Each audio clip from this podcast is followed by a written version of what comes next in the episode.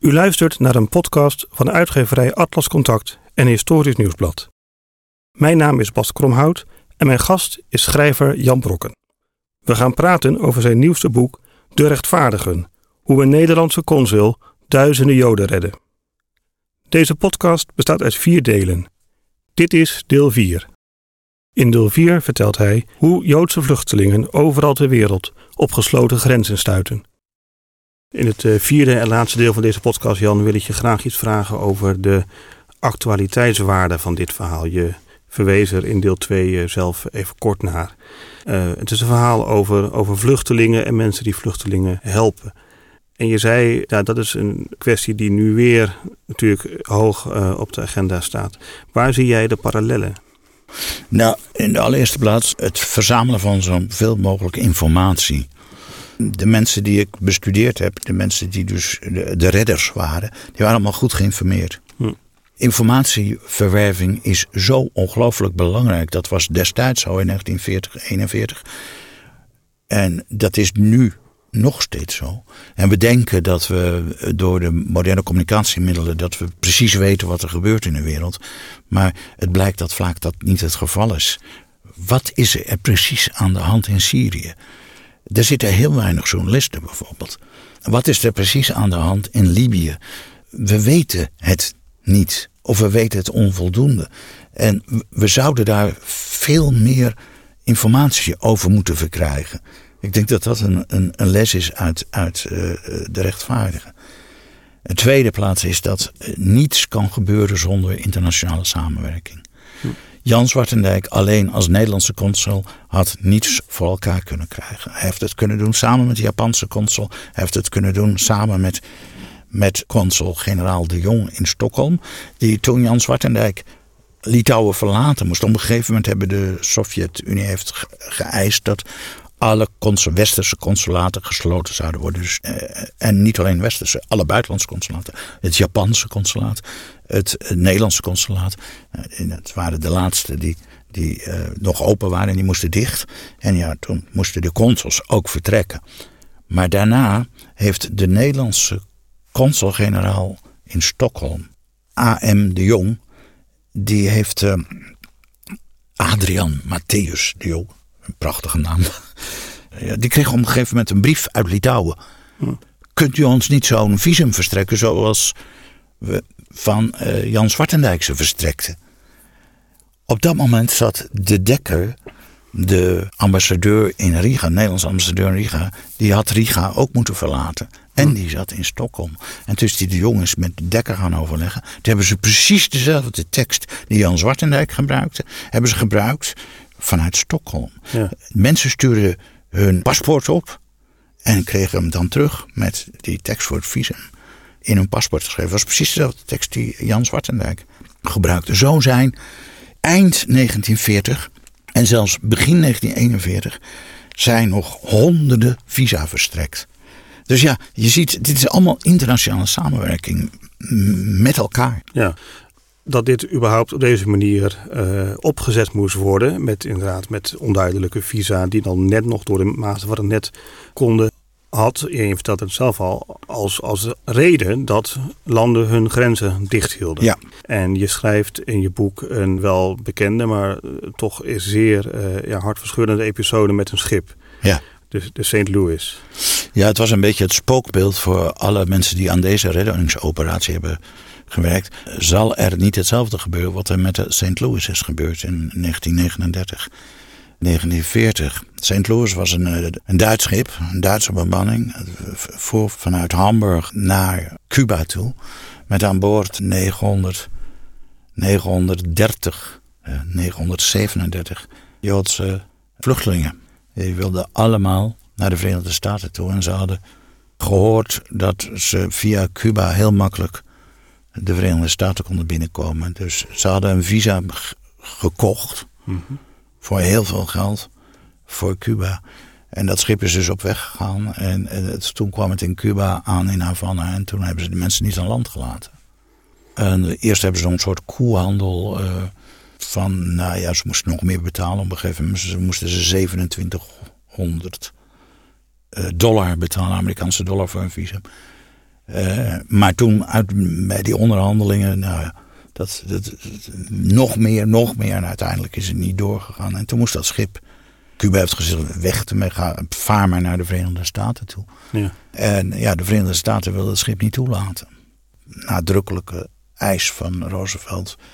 Nee, we kunnen de, want als we deze mensen toelaten, dan, eh, dan hebben we volgend jaar 1 miljoen vluchtelingen uit Europa, Joodse vluchtelingen. En onze economie kan dat niet aan. Er is al zoveel werkloosheid. Nou ja, allemaal argumenten die nu ook weer gebruikt worden. Dus grenzen dicht. En nou uiteindelijk veel omzwervingen is dat schip teruggekomen. En in Antwerpen aangemeerd. En toen was er een overeenkomst dat Nederland zou een aantal nemen. Frankrijk het grootste aantal. Groot-Brittannië. Dus zo zijn België. Zo zijn ze verdeeld. Maar uiteindelijk zijn toch de, mensen die in Nederland kwamen, die, die, die zijn vrij snel doorgevoerd naar Westerbork. Ja. En daar vandaan, ja, heel veel zijn in Auschwitz terechtgekomen uiteindelijk. Onder wie de, de moeder van mijn collega-schrijver Arnon Grunberg. Ja, ja de St. Louis, het is een, een, een, een vreselijk drama geweest dat dag in dag uit door de internationale pers is gevolgd. Iedereen kende het verhaal van de St. Louis. Het verdoemde schip, zoals het werd genoemd.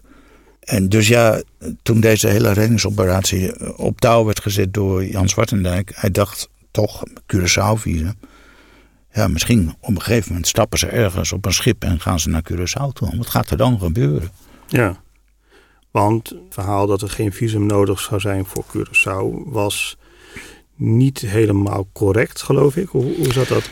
Nou, het, voor wat de tekst was voor, voor Curaçao, de, de, Nederlandse bezittingen in Amerika, dus de Nederlandse Antillen en Suriname, is geen visum verplicht. En dan had er in de oorspronkelijke tekst, comma, behoudens, is toelating, dat kan gebeuren, mits met toestemming van de gouverneur. Hmm dat overleg over die tekst eh, is besloten toen om dat laatste weg te laten. Ja. Dus ja, het, het was wel juist wat er stond, maar, de, de, maar er moest nog een deel van de zin bij eigenlijk. En die hebben ze dus bewust weggelaten. En wat denk je dat de gouverneur zou hebben beslist als nou, inderdaad heb... uh, ja, gevluchte Joden waren opgedoken voor de kust?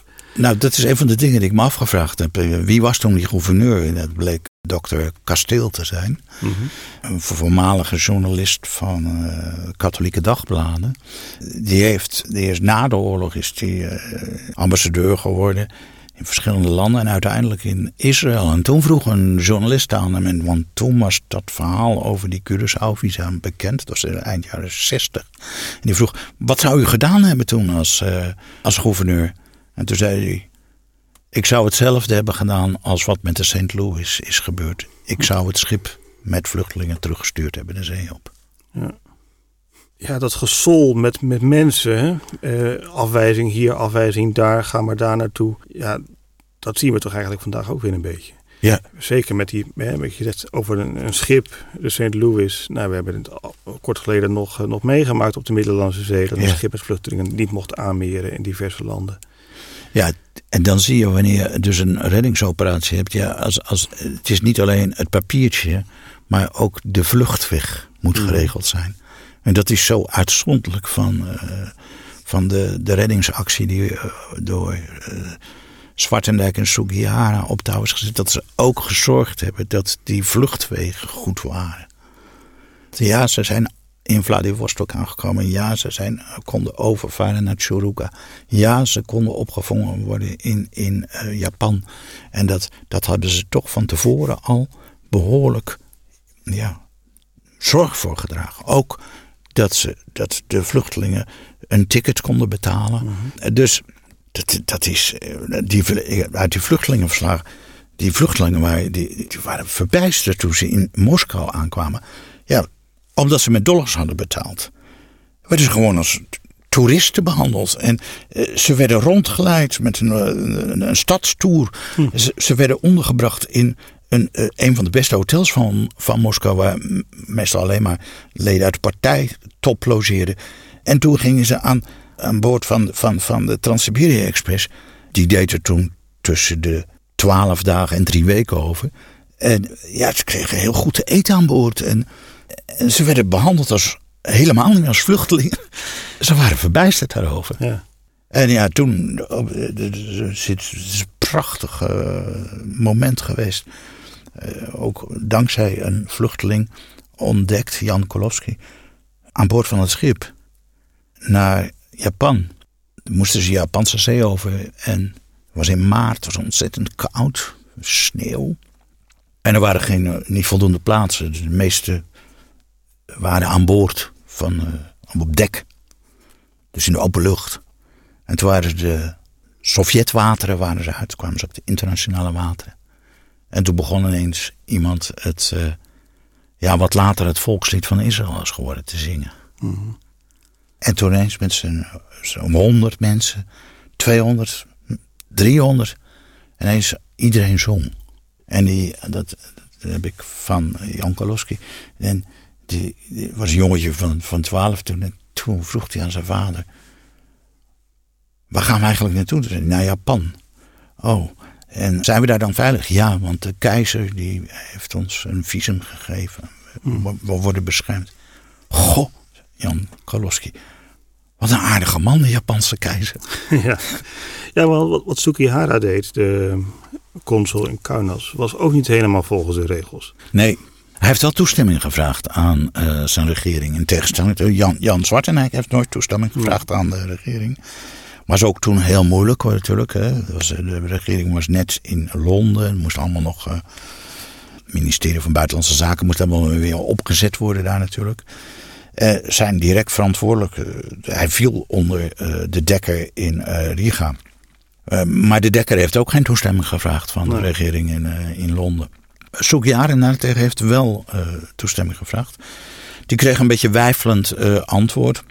Ja, ze wilden niet de, deze mensen allemaal Japan binnenlaten.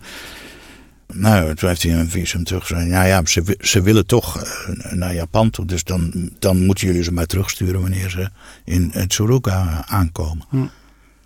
Dat was heel brutaal van hem. Ja. En daar is geen antwoord op gekomen. Dus toen is hij gewoon maar doorgegaan. Ja. Um, is het ook niet een beetje de moraal van, van het hele verhaal? Dat je, ja, je, eh, je moet de regeltjes een beetje naar je hand zetten. De zoon van uh, consul de voogd, uh, die heeft me een brief geschreven. En ik heb van waarom heeft je vader dit gedaan? Hè? Want hij heeft dus in, in Japan ook meegewerkt aan deze visa. En hij heeft een aantal mensen die hadden wel een, een doorreisvisum van, van, van Sugihara, maar die hadden geen Zwartendijk-visum. Om, omdat ze te laat waren. Want het consulaat was gesloten. Die zijn toch maar op reis gegaan. Nou, toen ze in Japan aankwamen, werden ze teruggestuurd. En toen heeft hij de voogd, die consul de voogd, heeft ze alsnog een visum gegeven. Gegeven, precies hetzelfde visum als Jan Zwartendijk deed. Um, dus de zoon van de voogd heeft, heeft aan zijn vader gevraagd van... waarom heb je die gedaan? En toen heeft hij gezegd van... nou, je moet in het leven drie dingen moet je echt in de gaten houden. En een van de belangrijkste is, je moet altijd handelen naar de geest van de wet en niet naar de letter van de wet. Je moet uh, je altijd mensen die een beroep op je doen, moet je proberen te begrijpen waarom ze dat doen. En in de derde plaats, je moet altijd genereus zijn. Hartelijk bedankt Jan voor je verhaal. U luisterde naar een podcast van uitgeverij Atlas Contact en Historisch Nieuwsblad met schrijver Jan Brokken over zijn boek De Rechtvaardigen. Voor meer achtergrond over Jan Brokken en mooie geschiedenisverhalen ga naar historischnieuwsblad.nl/brokken.